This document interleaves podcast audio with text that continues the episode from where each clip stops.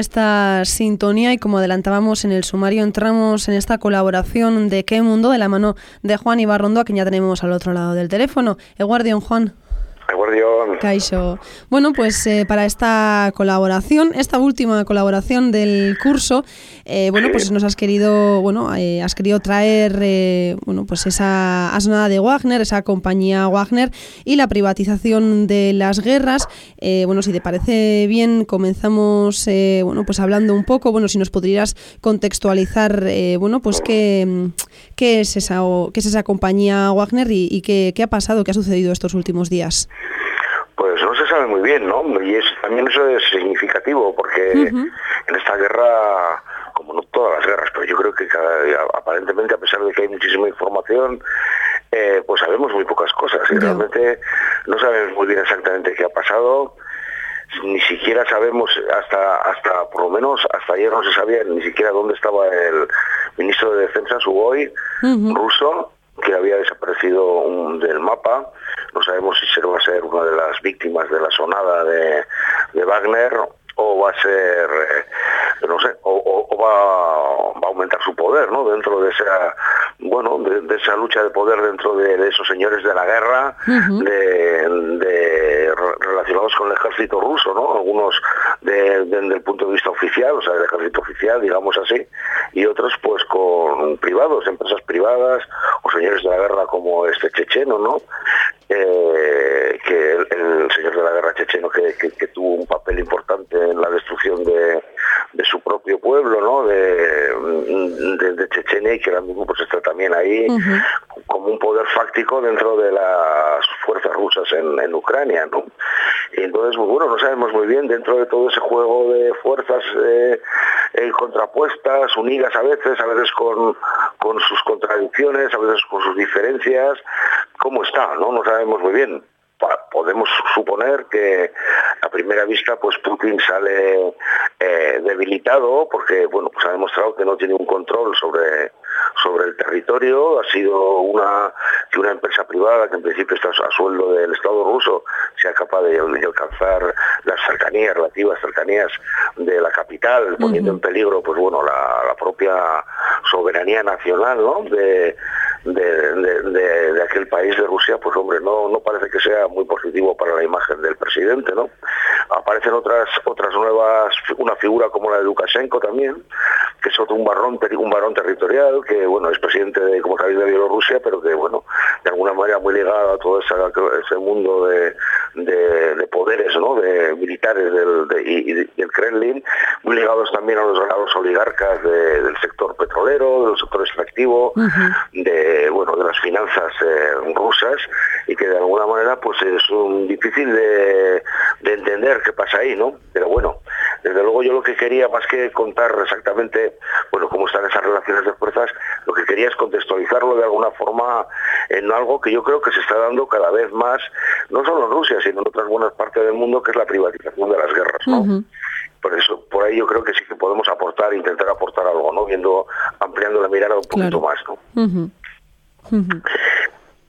entonces, bueno, eh, claro, hasta ahora siempre, a partir de los 80, cuando el neoliberalismo se empieza a expandir por el mundo, a partir de la llegada de pues, Margaret Thatcher en Gran Bretaña y Ronald Reagan en Estados Unidos, que es un poco el origen del liberalismo, a partir de ahí empieza a expandirse por el mundo, como sabéis, y bueno, de alguna manera el neoliberalismo va a ser el adelgazamiento del Estado, ¿no? Y por tanto la privatización de lo que habían sido funciones del Estado, por lo menos en buena parte, en algunos lugares del mundo, podía ser la educación, podía ser la, sanidad, podía ser otra serie de servicios eh, que tienen que ver pues bueno con la con aquello que se llamó el que ya casi nos acordamos el estado del bienestar no pero bueno que puede ser cosas también hasta que siempre se han considerado muy relacionadas con el estado como puede ser pues desde el servicio de correos hasta otra serie de empresas públicas que siempre habían estado ligadas al estado y que poco a poco como hemos visto pues está ha sido privatizándose no entonces en ese sentido el estado se adelgazaba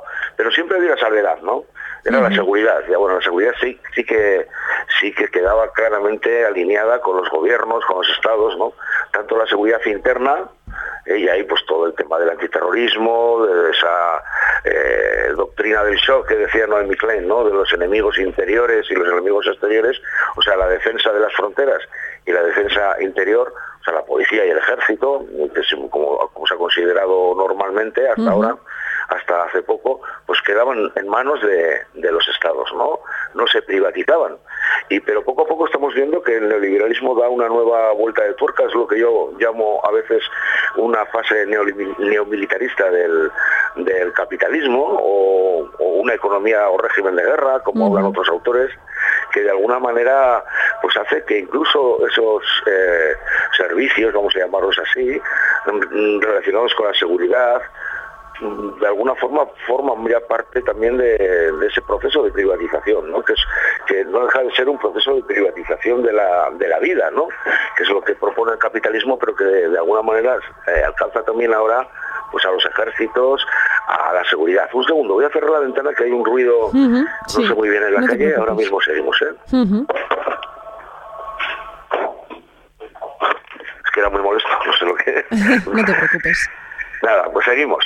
Eh, entonces, bueno, pues eso yo creo que, es uno de los elementos interesantes a tener en cuenta lo que está pasando en este capitalismo, bueno, no sé, casi casi yo creo que, hay que tener en cuenta el final, o lo podemos llamar de muchas maneras, pero que tiene que ver también con el agotamiento de los recursos, como hemos hablado tantas aquí, que tiene que ver con bueno, con esa con ese mundo de la guerra de todos contra todos, de la aparición de también de la, caída de la, hegemonía indiscutible de Estados Unidos, la aparición de potencias emergentes que se la están disputando, como es el caso ahora mismo pues, de China, pero también de Rusia y nuevas alianzas, una geometría variable de, de, las alianzas, no solo en lo político, ¿no? que estamos acostumbrados, sino también en lo militar, como hemos visto en, en, muchos conflictos del mundo, y dentro de esto, pues la privatización de las guerras, ¿no? que me parece que es que en este caso de Wagner, pues es un ejemplo bastante claro de falta de control por parte del Estado de sus propias eh, empresas eh, privatizadas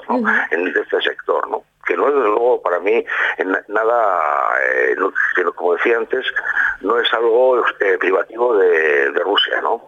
Hemos visto, por ejemplo, en la guerra de Irak, como Halliburton, una empresa muy ligada al Partido de Seguridad, que se llamaban contratistas, una empresa de seguridad muy ligada al Partido Republicano y a los intereses extractivistas de las petroleras, de las grandes petroleras estadounidenses, pues tuvo un papel muy importante en, en la guerra de Irak y luego en la guerra de Afganistán, ¿no?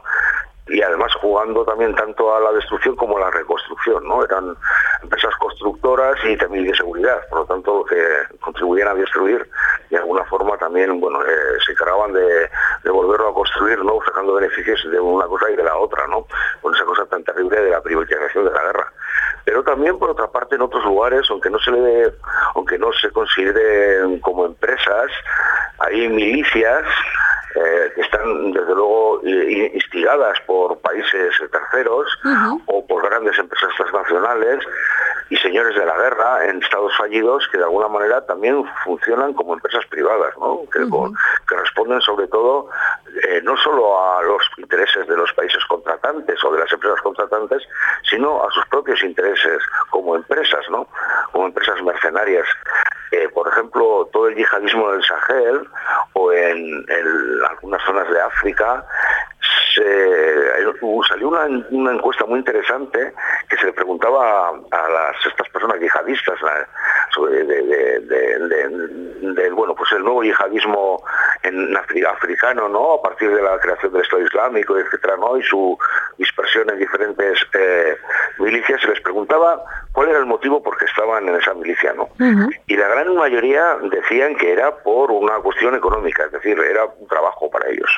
Ante una falta absoluta de, posibilidades de ganarse la vida en sus países en otros sectores la destrucción de todos la economía de subsistencia y la economía tradicional que había eh, dado bueno garantizado el sustento de, la, de gran parte de las poblaciones de esos países a través de la llegada del extractivismo y de la nueva economía eh, ligada a la agricultura industrial, etcétera, para la exportación, pues esta gente de alguna manera se alistaba a, esas, esos milicias pues por una cuestión meramente de supervivencia económica, muchos de ellos, ¿no? Otros decían por venganzas, ¿no? De, entre, entre, entre, entre distintas etnias, entre distintos grupos mm, culturales de aquellos países que de alguna manera, pues bueno, pues querían vengarse eh, pues de, la matanza del pueblo de al lado, ¿no? Vamos a decirlo así, frivolizando un poco.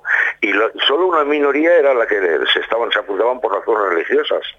Una minoría bastante importante, ¿no? Que lo hacían, pues bueno, por, por difundir, por difundir el Islam, etcétera, ¿no? Con lo cual, bueno, vemos que hasta cierto punto también por ahí vemos un asunto de, desde luego, de, privatización también, ¿no? O sea, son verdaderamente empresas, ¿no? Aunque, aunque se llamen eh, milicias, Lo mismo, por ejemplo, en la guerra de Siria y en otros lugares, hombre, eh, han participado eh, milicias salafistas claramente eh, apadrinadas por Arabia Saudí, sufragadas por Arabia Saudí, que también funcionan como, como empresas, ¿no? De alguna manera, aunque aunque tengan otro otra otra significación, otro simbolismo, pero al, fin y al cabo no dejan de ser empresas patrocinadas por grandes países o en América Latina, pues todo el fenómeno del paramilitarismo de alguna manera, que bueno, pues eh, ha sido también, no dejan de ser también grandes eh, eh, empresas de seguridad, empresas asesinas, mercenarias, que de alguna manera están contratadas pues por sectores oligárquicos de, la,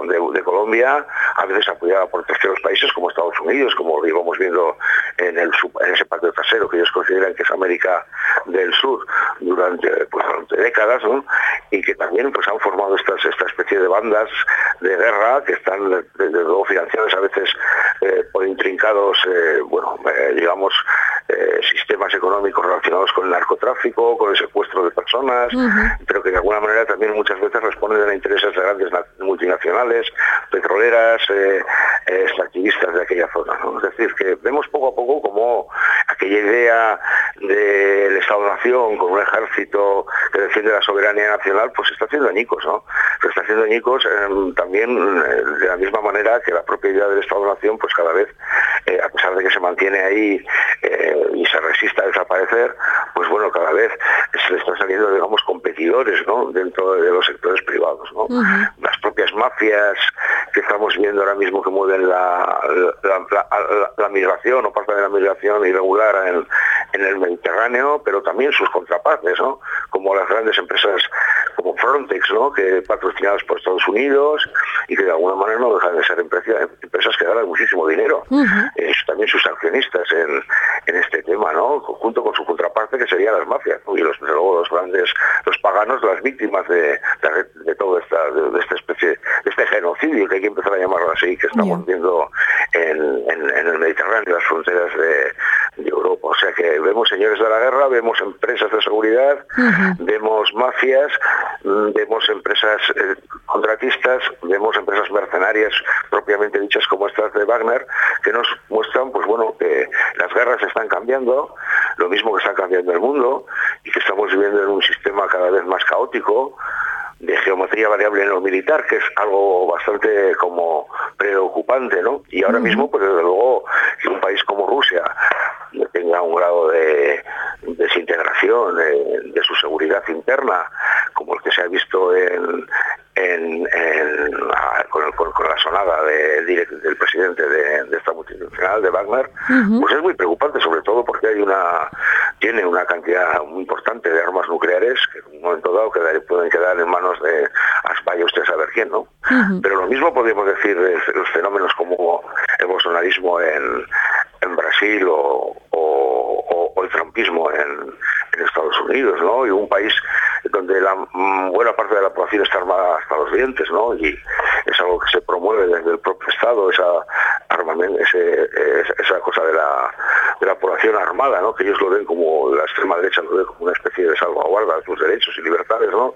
Pero que desde luego también forma parte de, y aunque desde luego no al nivel que apoyos que podemos ver en Rusia o en otros lugares, pues también eh, hay, hay una especie de espada de Damocles, ¿no? De que si sectores trumpistas armados pues pueden también empezar a, bueno pues a, interactuar de forma violenta de manera importante pues con el Estado con, la policía no sé pues, igual en los estados del medio oeste americano por ejemplo no, es algo totalmente descartable no entonces bueno vemos como yo creo que esto de Wagner lo tenemos que entender más que como síntoma de algo más importante no de algo más general de algo más global que tiene que ver con esta como lo que yo mm, con lo que yo hablo lo que yo ah, no sé vislumbro no porque tampoco está nada claro pero como una fase neomilitarista del capitalismo en estos momentos de, crisis ecológica global, en estos momentos de, de, momentos de, poca, digamos, de, un capitalismo menguante, ¿no? En el sentido de un acceso cada vez menor a los recursos naturales que están en,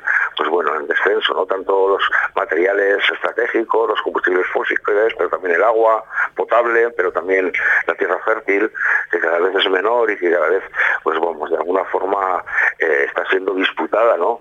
Por, eh, ya no naciones, como estamos viendo, sino sectores armados, eh, a veces con, cierta independencia de los estados, lo cual es muy, muy preocupante, ¿no? Para la estabilidad mundial, por ejemplo, ¿no? no sé, a veces yo lo digo como una metáfora que es un poco bruta, pero que yo creo que lo define bastante bien, es que es como una plaga de insectos, ¿no? Que de, alguna manera cuando se acaban la, con la cosecha de cereal que a la que han atacado empiezan a comerse ellos mismos, unos con otros, ¿no? Se empiezan a, auto, a, hacer una población caníbal, ¿no? Por eso podríamos hablar de capitalismo caníbal, ¿no?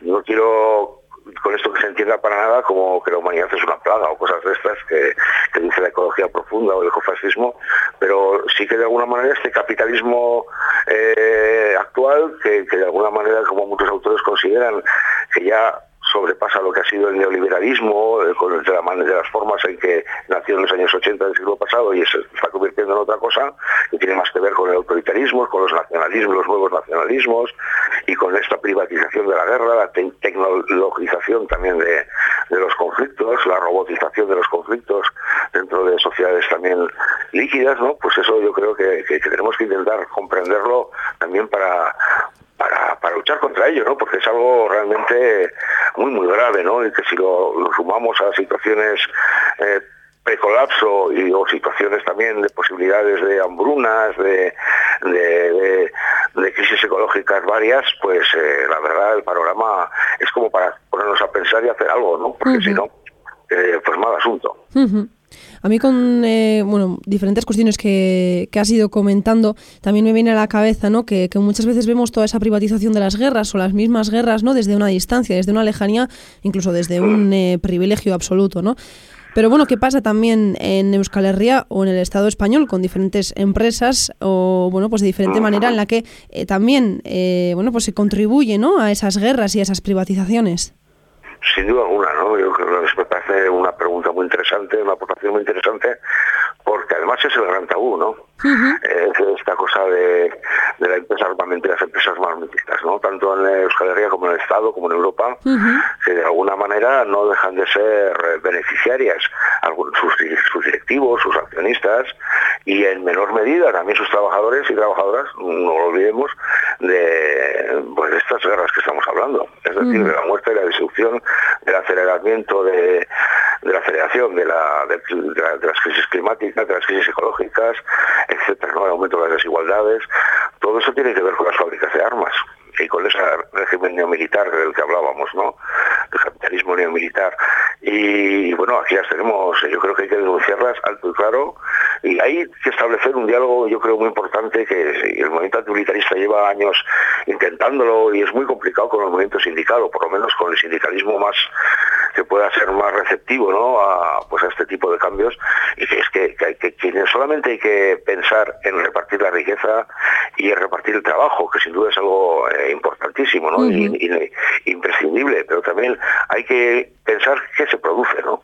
No solamente cómo se produce, cuánto se produce, sino qué se produce. O sea, si realmente, si podemos permitirnos ahora, eh, a costa de, con, la, con, la, con, la, con la causa, de buena causa, ¿no? De, los puestos de trabajo, de mantener los puestos de trabajo, y concurso, eso es un argumento que sirve para absolutamente para todo, ¿no? Y si sirve, por ejemplo, pues para que, bueno, con esa excusa se pueda justificar eh, las fábricas de armas, ¿no? Yo creo que el sindicalismo tiene ahí una una, por lo menos lo que, el que se considere un sindicalismo transformador, tiene una, un, tema pendiente, ¿no? Que no le quieren entrar porque es muy complicado, porque, bueno, algunas veces se dice, no, pero hombre, ¿cómo? Esto está muy bien, todo esto lo que cuentas, pero ¿cómo voy a ir yo a la fábrica a decirles que es que esta fábrica no puede ser y que, que, hay que cerrarla, ¿no? Bueno, yo creo que hay, hay maneras de, de hacer las cosas que puede ser, que se pueden hacer protegiendo los derechos de trabajadoras y trabajadores, es posible la conversión de estas industrias en industrias de producción para actividades que sean positivas para, para la vida y para las personas, ¿no?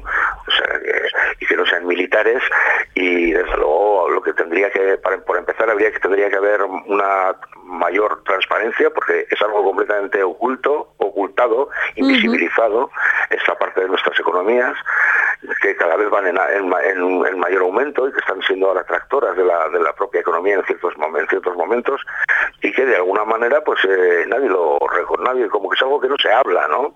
Y eso tiene que ver también los medios de comunicación, ¿no? Que sin duda alguna pues tienen los accionistas que tienen y en muchos casos pues no, no, no es un tema que sea cómodo, ¿no? Aquí en Euskal Herria, por ejemplo, tenemos el caso de, de Zapa y el presidente de la Real Sociedad, ¿no? del partido del club de fútbol, ¿no? Del, y que, bueno, de alguna manera, pues también, yo qué sé, eh, yo a veces lo pienso, ¿no? Dices, bueno, cuando, cuando, estos grandes éxitos que está consiguiendo la Real Sociedad, que me parece muy bien, ¿no? Pero a costa de que se, están dando, ¿no? ¿Quién paga a esos superjugadores que se están fichando? ¿Eh? Porque si es el presidente, es el directivo y, el, bueno, el dueño, ¿no? De una de las mayores, de la mayor empresa de armas de Euskadi y una de las mayores del Estado, pues ahí que también hacérselo mirar, ¿no? Igual no tendríamos por qué tener jugadores tan buenos, ¿no? Y tan importantes, ni tenemos por qué estar en Champions siempre y estas cosas. O sí, no sé, pero pero no desde luego a costa de todo, ¿no? De cualquier cosa. No sé, lo digo un poco como un ejemplo, ¿no? Como una manera de, ver un poco como también nuestras vidas cotidianas, a veces en las cosas menos más insospechadas, también tienen que ver con, con, esto que estamos viendo, ¿no? con, la, muerte, ¿no? Con la muerte de miles de personas, que no deja de ser otra otra cosa, ¿no? Totalmente. Pues Juan, eh, creo que le hemos dado, bueno, le has dado, ¿no? Un buen eh, repaso a todo este, bueno, un análisis, ¿no? De, esta privatización eh, de las guerras. bueno, has comentado diferentes cuestiones. No sé si tenías alguna cosita más preparada por comentar. Si no, bueno, pues... No, lo único, pues bueno, despedirme de toda la, audiencia y de vosotras, que ha sido un gusto, como siempre, charlar una vez al mes con estas cosas que a veces son un poco terribles y pero que yo creo que, es importante comentarlas y hablarlas pues para para incentivar la, la, acción y el movimiento social no no es, no es yo por lo menos no lo hago con un, un interés así como académico o teórico de entender las cosas que bueno siempre es interesante pero sobre todo lo veo porque lo hago porque me parece que es importante eh, entender lo que está pasando para cambiarlo, ¿no? y para que no caer en, en, bueno, vías falsas de solución de las cosas, que de alguna manera no tienen en cuenta pues elementos importantísimos, profundos de, de lo que está pasando y de alguna manera no dejan de ser pues bueno, ilusiones, vanas ilusiones, excusas, como bueno, está el tema de la guerra justa, por ejemplo, en Ucrania, decir, bueno, es que hay que apoyar la guerra y tal, y bueno, si oye, si hay que apoyar a Ucrania porque es la víctima y tal, y entonces, bueno, pues oye, hay que hacer armas y hoy si ganamos dinero, pues oye, es que es normal, ¿no? Si ganamos dinero con ello y si, bueno, ese tipo de, argumentos, ¿no? Del cínico igual, del, del, que dice, bueno, si no lo hacemos nosotros, alguien más lo hará, ¿no? Mejor hacerlo nosotros que que lo hagan otros.